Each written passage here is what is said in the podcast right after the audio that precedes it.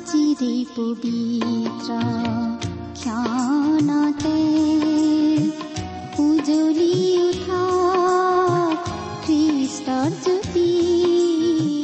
নমস্কাৰ। আমাৰ মৰমীয়াল প্ৰভু যীশুৰ মহান নামেৰে আপোনাক এয়া ভক্তিবচন অনুষ্ঠানলৈ আদৰিছো।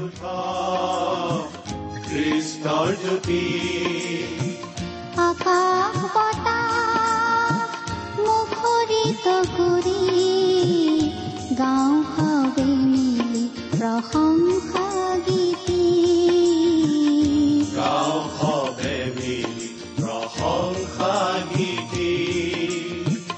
আজিৰে পবিত্ৰ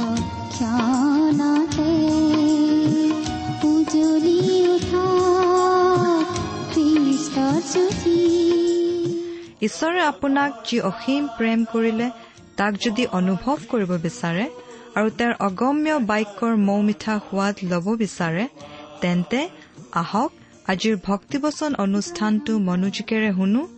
এয়া আপোনালৈ আগবঢ়াইছো। ঈশ্বৰৰ জীৱন্ত বাক্যৰ অনুষ্ঠান ভক্তিবচন।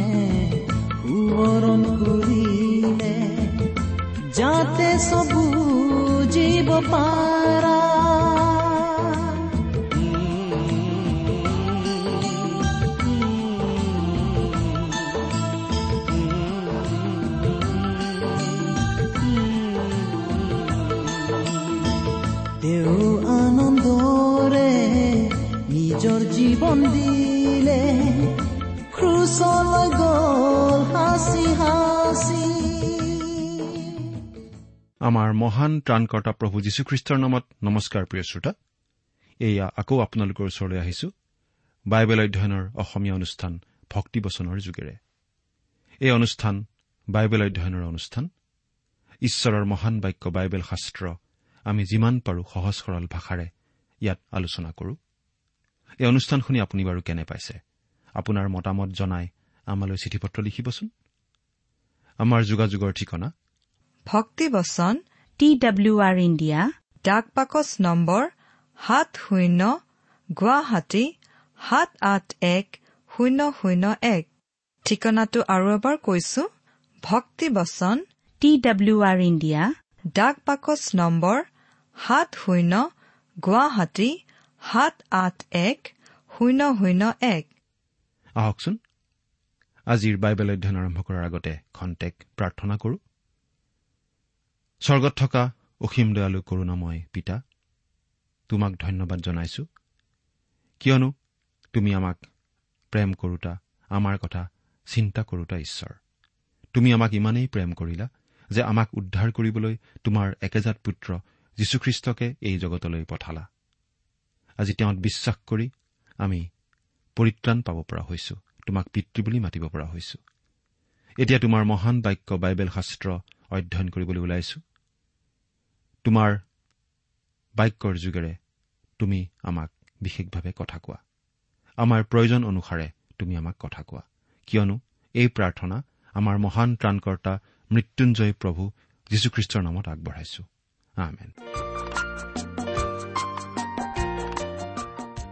প্ৰিয় শ্ৰোতা যদিহে আপুনি আমাৰ এই ভক্তিবচন অনুষ্ঠানটো নিয়মিতভাৱে শুনি আছে তেনেহলে আপুনি নিশ্চয় জানে যে আমি আজি ভালেমান দিন ধৰি বাইবেলৰ পুৰণি নিয়ম খণ্ডৰ দানিয়েলৰ পুস্তক নামৰ পুস্তকখন অধ্যয়ন কৰি আছো। নহয়নে বাৰু? যোৱা অনুষ্ঠানত আমি বাৰু কি আলোচনা কৰিছিলো? আপোনাৰ মনত আছেনে? যোৱা অনুষ্ঠানত আমি দানিয়েল পুস্তকৰ তিনি নম্বৰ অধ্যায়ৰ এক আৰু দুই নম্বৰ পদ দুটাত পঢ়িবলৈ পাইছিলো যে বাবিলৰ ৰজা নবুখত নেজৰে এটা সোণৰ বিশাল মূৰ্তি সাজিছিল। তেওঁ সেই সোণৰ মূৰ্তিটো প্ৰতিষ্ঠা কৰিবৰ বাবে দেশৰ প্ৰধান প্ৰধান লোকসকল বিষয়াসকলক মাতিছিল। সেই সকলোবোৰৰ মাজত দানিয়েলৰ সেই যিহুদী বন্ধু তিনিজনো আছিল। আজিৰ অনুষ্ঠানত আমি পাম তাৰ পাছত কি ঘটিছিল সেই কথা। বাইবেলৰ পৰা পাঠ কৰি দিব খুজিছো। তিনি নম্বৰ অধ্যায়ৰ তিনি নম্বৰ পদ। পাছে ক্ষিতিপাল প্ৰতিনিধি দেশাধ্যক্ষ প্ৰধান বিচাৰকৰ্তা ৰাজভৰালী ব্যৱস্থাপক বিচাৰকৰ্তাবিলাক আৰু প্ৰদেশবোৰৰ আন আন আটাই বিষয়াই ৰজা নবুখত নেচৰে স্থাপন কৰা সেই মূৰ্তিৰ প্ৰতিষ্ঠা কৰিবলৈ গোট খালে আৰু নবুখত নেচৰে স্থাপন কৰা মূৰ্তিৰ আগত থিয় হ'ল। সেই মূৰ্তিক প্ৰতিষ্ঠা কৰাৰ দিনটো আহি পৰিল। ৰজাৰ আদেশমতে তাত সকলো প্ৰধান লোক উপস্থিত আছিল। কিন্তু তাত দানিয়েল উপস্থিত নাছিল। সেইদিনা সেই সময়ত দানিয়েল ক'ত আছিল আৰু কিয় তাত উপস্থিত নাছিল সেই কথা আমি ক'ব নোৱাৰো। কিন্তু আমি বিশ্বাস কৰো যে দানিয়েল তাত উপস্থিত নথকাৰ নিশ্চয় গ্ৰহণযোগ্য আৰু আইনসংগত কাৰণ আছিল। হয়তো ৰজাৰ কিবা জৰুৰী কামত তেওঁ আঁতৰত আছিল। তেওঁ আছিল সেই বিশ্ব সম্ৰাট নবুখত নেচৰৰ প্ৰধানমন্ত্ৰী। গতিকে নিশ্চয় কিবা গধুৰ দায়িত্বপূৰ্ণ কামত তেওঁ ক'ৰবাত ব্যস্ত থাকিব লগা হৈছিল। আৰু নিশ্চয় ৰজায়ো তাৰেই অনুমতি দিছিল। দুৰা উপত্যকাত স্থাপন কৰা সেই সোণৰ মূৰ্তিটো নিশ্চয় অতি দেখনীয়াৰ আছিল। আজি মহাকাশলৈ উৰাবলৈ সাজু কৰি ৰখা বিয়াগুম ৰকেট এটাৰ নিচিনা চকুত লগা আৰু আকৰ্ষণীয় নিশ্চয় আছিল সেই সোণৰ মূৰ্তিটো। মানুহে নিশ্চয় ৰ লাগি লাগি চাইছিল। চাই চাই নিশ্চয় হেঁপাহ নপলাইছিল। এতিয়া চাৰি নম্বৰ পদৰ পৰা একেলগে ছয় নম্বৰ পদলৈকে পাঠ কৰি দিওঁ। তেতিয়া ঘোষণাকাৰীয়ে ৰিঙিয়াই কলে হে সকলো জাতিৰ দেশৰ আৰু ভাষাৰ লোকবিলাক। তোমালোকলৈ এই আজ্ঞা হৈছে যে যি সময়ত তোমালোকে শিঙা বাঁহী বীণা চেৰেণ্ডা চেতাৰ আৰু মৃদংগ আদি নানাবিধ বাদ্যযন্ত্ৰৰ বাদ্য শুনিবা তেতিয়াই নবুখত নেচৰ ৰজাই স্থাপন কৰা সোণৰ মূৰ্তিক উবুৰি হৈ পৰি সেৱা কৰিবা। যেয়ে উবুৰি হৈ পৰি সেৱা নকৰিব তাক সেই মুহূৰ্ততে প্ৰজ্বলিত অগ্নিকুণ্ডত পেলোৱা হ'ব। সেই প্ৰতিষ্ঠা কৰা উৎসৰ্গা কৰা সময়ত তেওঁলোকে উপাসনাৰ স্বাধীনতাৰ কথা অলপো নাজানিছিল। যেতিয়া সকলো বাদ্য একেলগে বাজিব তেতিয়া তেওঁলোকে সকলোৱে সেই মূৰ্তিৰ আগত মূৰ দুৱাই প্ৰণিপাত জনাব লাগিব। তাত স্বতঃস্ফূৰ্তভাৱে জনোৱা ব্যক্তিগত উপাসনাৰ কোনো স্থান নাছিল। সকলোবিলাক আগতেই ঠিক ঠাক কৰি দিয়া হৈছিল। এই বাদ্যযন্ত্ৰৰ দলটোত থকা বিভিন্ন বাদ্যযন্ত্ৰবিলাকৰ নাম মন কৰকচোন। শিঙা। এইটো হৈছে বতাহৰ যোগেদি শব্দ কৰা এটা বাদ্য। বাঁহী। এইটোও হৈছে বতাহৰ যোগেদি শব্দ কৰা এটা বাদ্য। বীণা। তাঁৰৰ যোগেদি শব্দ কৰা বাদ্যযন্ত্ৰ। চেৰেণ্ডা এইটো তাঁৰৰ যোগেদি শব্দ কৰা বাদ্যযন্ত্ৰ। চেতাৰ এইটো তাঁৰৰ যোগেদি শব্দ কৰা বাদ্যযন্ত্ৰ। মৃদংগ চামৰাৰে তৈয়াৰী বাদ্যযন্ত্ৰ। আৰু তাৰ পাছত কোৱা হৈছে যে নানাবিধ বাদ্যযন্ত্ৰৰ শব্দ অৰ্থাৎ আৰু নানা ধৰণৰ বাদ্যযন্ত্ৰ আছিল যিবোৰৰ নাম ইয়াত উল্লেখ কৰা হোৱা নাই। এই অদ্ভুত আদেশ দিয়া হ'ল। যেতিয়া সমবেতভাৱে বাদ্যযন্ত্ৰবিলাক বাজি উঠিব তেতিয়া সকলো লোকে একেলগে উবুৰি খাই সেই সোণৰ মূৰ্তিটোৰ আগত প্ৰণিপাত জনাব লাগিব। নিজ ইচ্ছা বা নিজৰ মনৰ স্বতঃস্ফূৰ্ত প্ৰকাশ হিচাপে নহয় বাধ্যতামূলক হিচাপেই সেই মূৰ্তিক সেৱা জনাবলৈ কোৱা হ'ল। অৰ্থাৎ আমি এটা কথা স্পষ্টভাৱে ক'ব পাৰোঁ যে এইটো কেৱল মাত্ৰ মূৰ্তি প্ৰতিষ্ঠাৰ উৎসৱেই নাছিল মানুহক বলপূৰ্বকভাৱে উপাসনা কৰাবলৈ কৰা আয়োজন আছিল।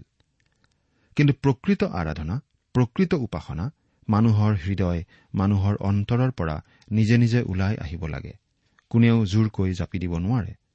গতিকে আমি ক'ব পাৰোঁ যে সেই মানুহবিলাকে মূৰ্তিৰ আগত যদিও সেৱা কৰিছিল সেৱা উপাসনাৰ বাহ্যিক ৰূপহে আছিল।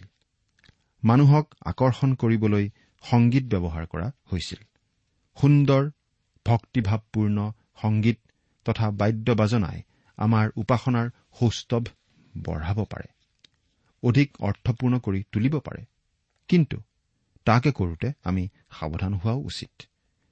জাগতিক ভাৱপূৰ্ণ সংগীতৰ দ্বাৰা উপাসনাৰ গাম্ভীৰ্য যাতে নকমে তাৰ প্ৰতিও আমি লক্ষ্য ৰখা উচিত। কিন্তু আৰাধনাৰ সময়ত গীত মাত আদিৰ যে প্ৰয়োজন আছে তাত সন্দেহ নাই। বাইবেলত এইবুলি লিখিছে ইফিচিয়া পাঁচ নম্বৰ অধ্যায়ৰ ঊনৈশ নম্বৰ পদত। ধৰ্মগীত স্তুতিগীত আৰু আম্মিক গানেৰে পৰস্পৰে আলাপ কৰা আৰু প্ৰভুৰ উদ্দেশ্যে তোমালোকৰ হৃদয়েৰে গান আৰু বাদ্য কৰা। আকৌ কলচীয়া তিনি নম্বৰ অধ্যায়ৰ ষোল্ল নম্বৰ পদত এনেদৰে লিখিছে খ্ৰীষ্টৰ বাক্য সকলো জ্ঞানৰ কথাত তোমালোকত বাহুল্যৰূপে বাস কৰক। ধৰ্মগীত স্তুতিগীত আৰু আম্মিক গানেৰে পৰস্পৰে শিক্ষা আৰু চেতনা দি অনুগ্ৰহৰ কথাত নিজ নিজ হৃদয়ত ঈশ্বৰৰ উদ্দেশ্যে গান কৰা। গীৰ্জা উপাসনাৰ সময়ত আমি যেতিয়া গান গাওঁ সেই গান হ'ব লাগে ঈশ্বৰৰ গৌৰৱৰ কাৰণে আমাৰ নিজক জাহিৰ কৰিবৰ কাৰণে নহয়।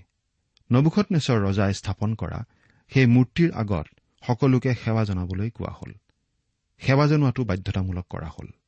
সেৱা নজনালে ভয়ংকৰ শাস্তি দিয়া হ'ব বুলি জনাই দিয়া হ'ল। যিয়ে সেৱা নজনাই তাকেই জ্বলন্ত অগ্নিকুণ্ডত পেলোৱা হ'ব বুলিও জনাই দিয়া হ'ল। আমি নিঃসন্দেহে ক'ব পাৰোঁ যে তাত গোট খোৱা সকলোবোৰ লোকেই সেই বাদ্য সংগীত বাজি উঠাৰ লগে লগে মূৰ্তিৰ আগত প্ৰণিপাত জনালে। মাত্ৰ তিনিজন ব্যক্তিৰ বাহিৰে। কোন সেই তিনিজন ব্যক্তি? সাত নম্বৰ পদটো পঢ়িছো। এতেকে আটাই জাতিৰ লোকবিলাকে যেতিয়া শিঙা বাঁহী বীণা চেৰেণ্ডা আৰু চেতাৰ আদি নানাবিধ বাদ্যযন্ত্ৰৰ বাদ্য শুনিলে তেতিয়া সকলো জাতিৰ দেশৰ আৰু ভাষাৰ লোকবিলাকে উবুৰি হৈ পৰি নবুঘত নেচৰ ৰজাই স্থাপন কৰা সোণৰ মূৰ্তিক সেৱা কৰিলে। এনেদৰে বাহ্যিকভাৱে সকলো মানুহেই সেই মূৰ্তিৰ প্ৰতি আনুগত্য দেখুৱালে। সকলোৱে একেলগে উবুৰি খাই সেৱা কৰিলে। বহুতো লোকৰ অন্তৰত হয়তো একো ভক্তিভাৱ নাছিল। হয়তো সেৱা কৰিবৰ ইচ্ছা নাছিল কিন্তু তেনে ভাৱ থাকিলেও প্ৰকাশ কৰা নাছিল। তেওঁলোকে নিশ্চয় মনে মনে নিজকে যুক্তি দেখুৱাইছিল যে সেৱা কৰাত একো লোকচান নাই। আজিও বাৰু আমি তেনেকুৱা নকৰোনে আমি জানো খ্ৰীষ্টীয় বিশ্বাসী হিচাপে আমি কেনেকুৱা হোৱা উচিত কেনেকুৱা হোৱা উচিত নহয় কি কৰা উচিত কি কৰা উচিত নহয়। কিন্তু কেতিয়াবা আমি হয়তো লগৰ লগত এনেকুৱা কিবা কাম কৰি পেলাওঁ যিটো আচলতে গ্ৰহণযোগ্য নহয়। তেতিয়া আমি কিবা কিবি যুক্তি দৰ্শাওঁ। আমি এনেকুৱা যুক্তি দেখুৱাব খোজো যে তেনেকুৱা কাম কৰাটোত একো দুখ হোৱা নাই। বহু সময়ত আমি ভুল দেখিও আঙুলিয়াই দিব নোখোজো বৰং মনে মনে আমি মানি লওঁ। আচলতে আমি মানুহলৈ ভয় কৰোঁ বাবেই এনেকুৱা কৰোঁ। কিন্তু ঈশ্বৰলৈ ভয় ৰখা আৰু ঈশ্বৰত সম্পূৰ্ণ বিশ্বাস ৰখা মানুহে আনলৈ ভয় নকৰে। আঠ নম্বৰ পদ। ইয়াতে সেই সময়ত কেইজনমান কল দিয়া মানুহে ওচৰলৈ আহি যিহুদীবিলাকৰ অহিতে চুকলি লগালে। ৰজাই খুব সম্ভৱ চোৰাংচোৱা ৰাখিছিল। তেওঁ আদেশ দিয়া মতে সকলো লোকে উবুৰি খাই সেৱা কৰিছেনে নাই চাবলৈ। কেইজনমান কলদিয়া লোকে আহি ৰজাক কথা লগালেহি। তেওঁলোকে নিশ্চয় দানিয়েলৰ সেই তিনি বন্ধুক চাই আছিল। যিহুদী ডেকা হৈও তেওঁলোক ইমান উচ্চ পদত অধিষ্ঠিত হোৱা কাৰণে তেওঁলোকক নিশ্চয় আন লোকসকলে হিংসা কৰিছিল। তদুপৰি সেই বিশেষ অনুষ্ঠানত গোট খোৱা মানুহবোৰৰ মাজত তেওঁলোক তিনিজনেই মাত্ৰ যিহুদী লোক আছিল কাৰণ নবুখত নেচৰ ৰজাৰ ৰাজবাব পোৱা যিহুদী লোক তেওঁলোক তিনিজনেই আছিল ডেনিয়েলৰ বাহিৰে। ন নম্বৰ পদৰ পৰা একেলগে বাৰ নম্বৰ পদলৈকে পাঠ কৰি দিম। সিহঁতে ৰজা নবুখত নেচৰৰ আগত কলে মহাৰাজ চিৰজীৱী হওক। হে মহাৰাজ আপুনি এই আজ্ঞা কৰিছিল যে যিজনে শিঙা বাঁহী বীণা চেৰেণ্ডা চেতাৰ আৰু মৃদংগ আদি নানাবিধ বাদ্যযন্ত্ৰৰ বাদ্য শুনিব তেওঁ উবুৰি হৈ পৰি সেই সোণৰ মূৰ্তিক সেৱা কৰিব। কিন্তু যিজনে উবুৰি হৈ পৰি সেৱা নকৰিব তেওঁক প্ৰজ্বলিত অগ্নিকুণ্ডত পেলোৱা হ'ব। বাবিল প্ৰদেশৰ ৰাজকাৰ্যত আপুনি নিযুক্ত কৰা ছদ্ৰক মৈচক আৰু অবেদনগু নামেৰে কেইজনমান যিহুদী আছে। হে মহাৰাজ সেই মানুহকেইজনে আপোনাক নামানে। আপোনাৰ দেৱতাবিলাকক সেৱা নকৰে আৰু আপুনি স্থাপন কৰা সোণৰ মূৰ্তিকো পূজা নকৰে। ছদ্ৰক মৈচক আৰু অবেদনাগুৱে সেই সোণৰ মূৰ্তিৰ আগত প্ৰণিপাত জনোৱা নাছিল। সেই কথাটো ৰজাক জনোৱা হ'ল। তেওঁলোকৰ নাম ধৰি ৰজাক জনোৱা হ'ল। ভুল হোৱাৰ কথাই নাই। অৱশ্যে হে মহাৰাজ সেই মানুহকেইজনে আপোনাক নামানে। এই বুলি কোৱা কথাখিনি সত্য নহয়। তেওঁলোক আচলতে ৰজাৰ অবাধ্য আৰু বিদ্ৰোহী কেতিয়াও নাছিল। কিন্তু তেওঁলোকে জানিছিল যে ৰজাতকৈও উচ্চ এজনা আছে। সেই সৰ্বোপৰি ঈশ্বৰৰ প্ৰতি তেওঁলোকৰ যি আনুগত্য আছিল সেই আনুগত্য প্ৰকাশ কৰিহে তেওঁলোকে সেই মূৰ্তিৰ আগত প্ৰণিপাত নকৰিলে। ঈশ্বৰে দিয়া দহ আজ্ঞা অনুসাৰে। তেনেদৰে মূৰ্তিৰ আগত প্ৰণিপাত কৰাটো পাপ হলহেঁতেন। সেই কথাটো তেওঁলোকে জানিছিল বাবেহে সেই মূৰ্তিৰ আগত প্ৰণিপাত কৰা নাছিল। তেৰ নম্বৰ পদ। ইয়াকে শুনি নবুখত নেচৰে ক্ৰোধ আৰু কোপত ছদ্ৰক মৈচক আৰু অবেদ নাগুক আনিবলৈ আজ্ঞা কৰিলে। তাতে সেইকেইজনক ৰজাৰ ওচৰলৈ নিয়া হলত। কথাটো শুনি নবুখত নেচৰ ৰজাৰ খং উঠাটো স্বাভাৱিক। কাৰণ তেওঁৰ আদেশ অমান্য কৰা মানে তেওঁৰ প্ৰতি বিদ্ৰোহৰ ভাৱ দেখুওৱা। তদুপৰি তেওঁ বুজি পোৱা নাছিল বুজিবৰ সামৰ্থ্যও নাছিল। কিয় সেই তিনিজন যিহুদী যুৱকে সেই মূৰ্তিৰ আগত প্ৰণিপাত কৰা নাছিল সেই কথা। চৈধ্য নম্বৰ পদ। নবুখত নেচৰে তেওঁবিলাকক উত্তৰ দি কলে হে ছদ্ৰক মৈচক আৰু অবেদনগু তোমালোকে যে মোৰ দেৱতাক সেৱা কৰা নাই মই স্থাপন কৰা সোণৰ মূৰ্তিক পূজা কৰা নাই তাক তোমালোকে জানি শুনি কৰা নাইনে? ছদ্ৰক মৈচক অবেদনাগুক ৰজাৰ আগলৈ অনা হল। ৰজাই জানিব বিচাৰিলে তেওঁলোকে যে সেই সোণৰ মূৰ্তিৰ আগত প্ৰণিপাত কৰা নাই তেওঁলোকে জানি শুনি সেই কাম কৰা নাই নে নজনা কাৰণেহে সেইটো কাম কৰা নাই। এইটো এটা ভাল প্ৰশ্ন। অৰ্থাৎ এই প্ৰশ্নটোৰ পৰা আমি এই কথা বুজি পাওঁ যে ৰজাই চিধা চিধি ছদ্ৰক মৈচক আৰু অবেদনগুক দোষী সাব্যস্ত কৰিব খোজা নাই। যদি তেওঁলোকে নজনাকৈ সেই কাম কৰিছে অৰ্থাৎ তেনেদৰে প্ৰণিপাত যে কৰিব লাগে সেইটো বুজি পোৱা নাই কাৰণে প্ৰণিপাত কৰা নাই তেতিয়াহ'লে তেওঁলোকৰ নিশ্চয় দোষ নাই। কিন্তু তেওঁলোকে যদি সেই সকলো ধৰণৰ বাদ্য বাজনা বাজি উঠাৰ লগে লগে সেই মূৰ্তিৰ আগত প্ৰণিপাত জনাব লাগে বুলি বুজি পায়ো তেনে কাম কৰা নাই সেই মূৰ্তিৰ আগত প্ৰণিপাত কৰা নাই তেতিয়াহ'লে তেওঁলোকে ৰজাৰ পৰা দণ্ড পাবৰ যোগ্য। ইয়াৰ পৰা আমি এই কথাও বুজি পাওঁ যে বিচাৰক হিচাপে নবুকনেশ্বৰ ৰজাই ভাল বিচাৰেই কৰিছিল। তেওঁ পোনে পোনে ছদ্ৰক মৈচক আৰু অবেদনগক দোষী সাব্যস্ত কৰিব খোজা নাই। তেওঁলোকে সেই মূৰ্তিৰ আগত প্ৰণিপাত নকৰাৰ প্ৰকৃত কাৰণটো জানি ল'ব খুজিছে। তেওঁলোকে জানি বুজিয়েই সেই কামটো কৰিছে নে নাই সেইটো কথা জানি ল'ব খুজিছে। ইয়াৰ পিছৰ পদটো পোন্ধৰ নম্বৰ পদটো পাঠ কৰি দিছো। এতিয়াও যদি তোমালোকে শিঙা বাঁহী বীণা চেৰেণ্ডা চেতাৰ আৰু মৃদংগ আদি নানাবিধ বাদ্যযন্ত্ৰৰ বাদ্য শুনা সময়ত মই সাজা সোণৰ মূৰ্তিক উবুৰি হৈ পৰি সেৱা কৰিবলৈ যুগুত হোৱা হওক তেন্তে ভালেই। কিন্তু যদি তোমালোকে সেৱা নকৰা হওক তেন্তে সেই মুহূৰ্ততেই তোমালোকক প্ৰজ্বলিত অগ্নিকুণ্ডত পেলোৱা হ'ব।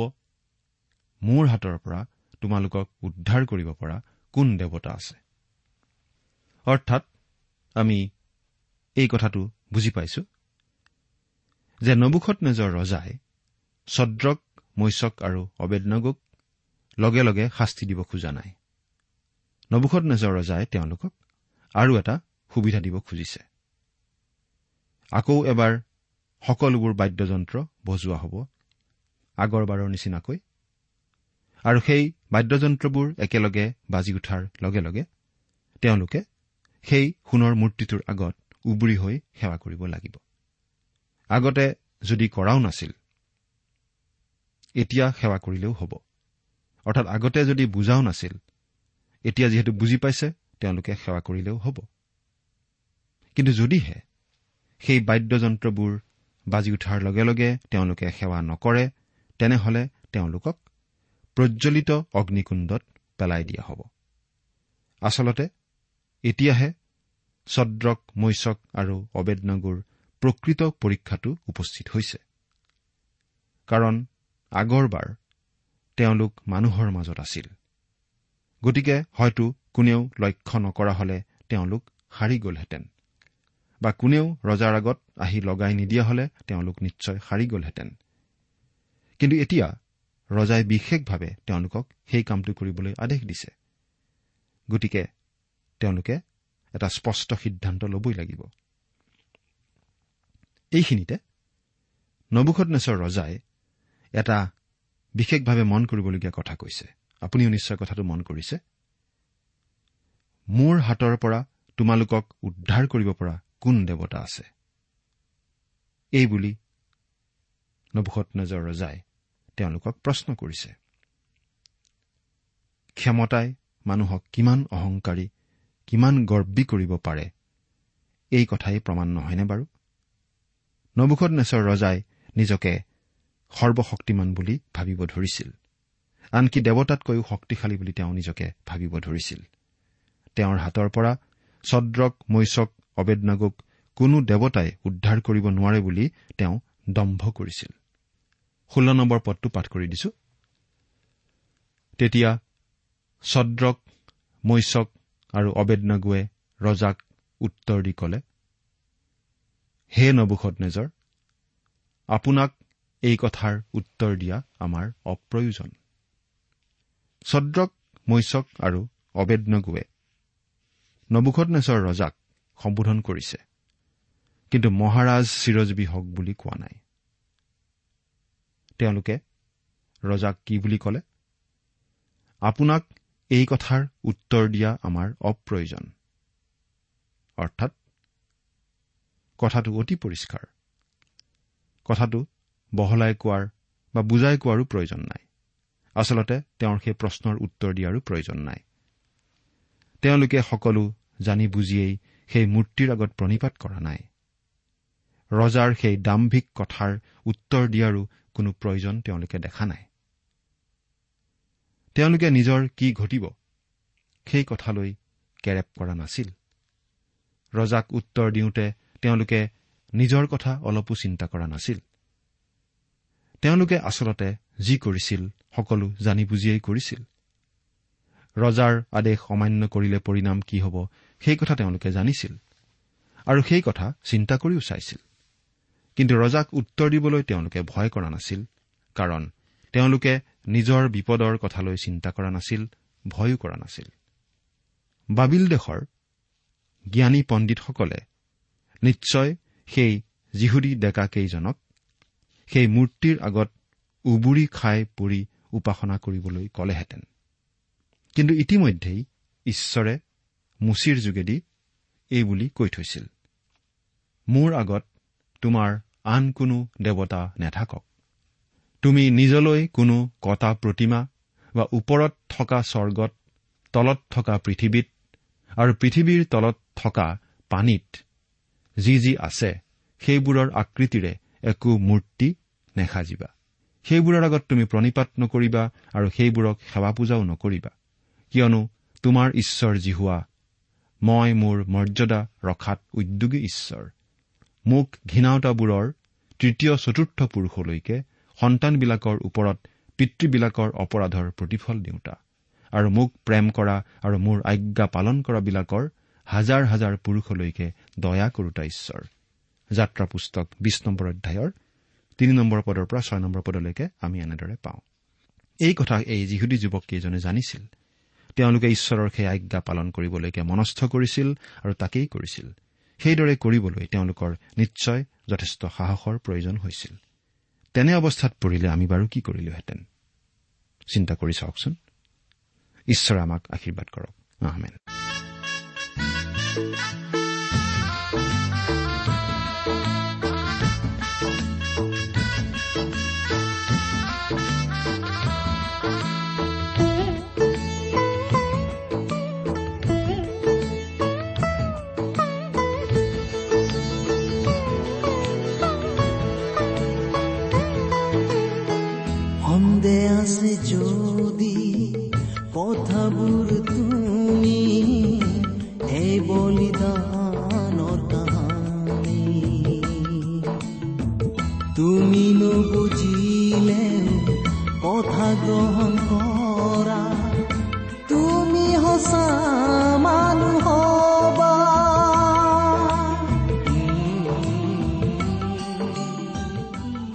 ইমান পৰে আপুনি ভক্তিবচন অনুষ্ঠানটি শুনিলে।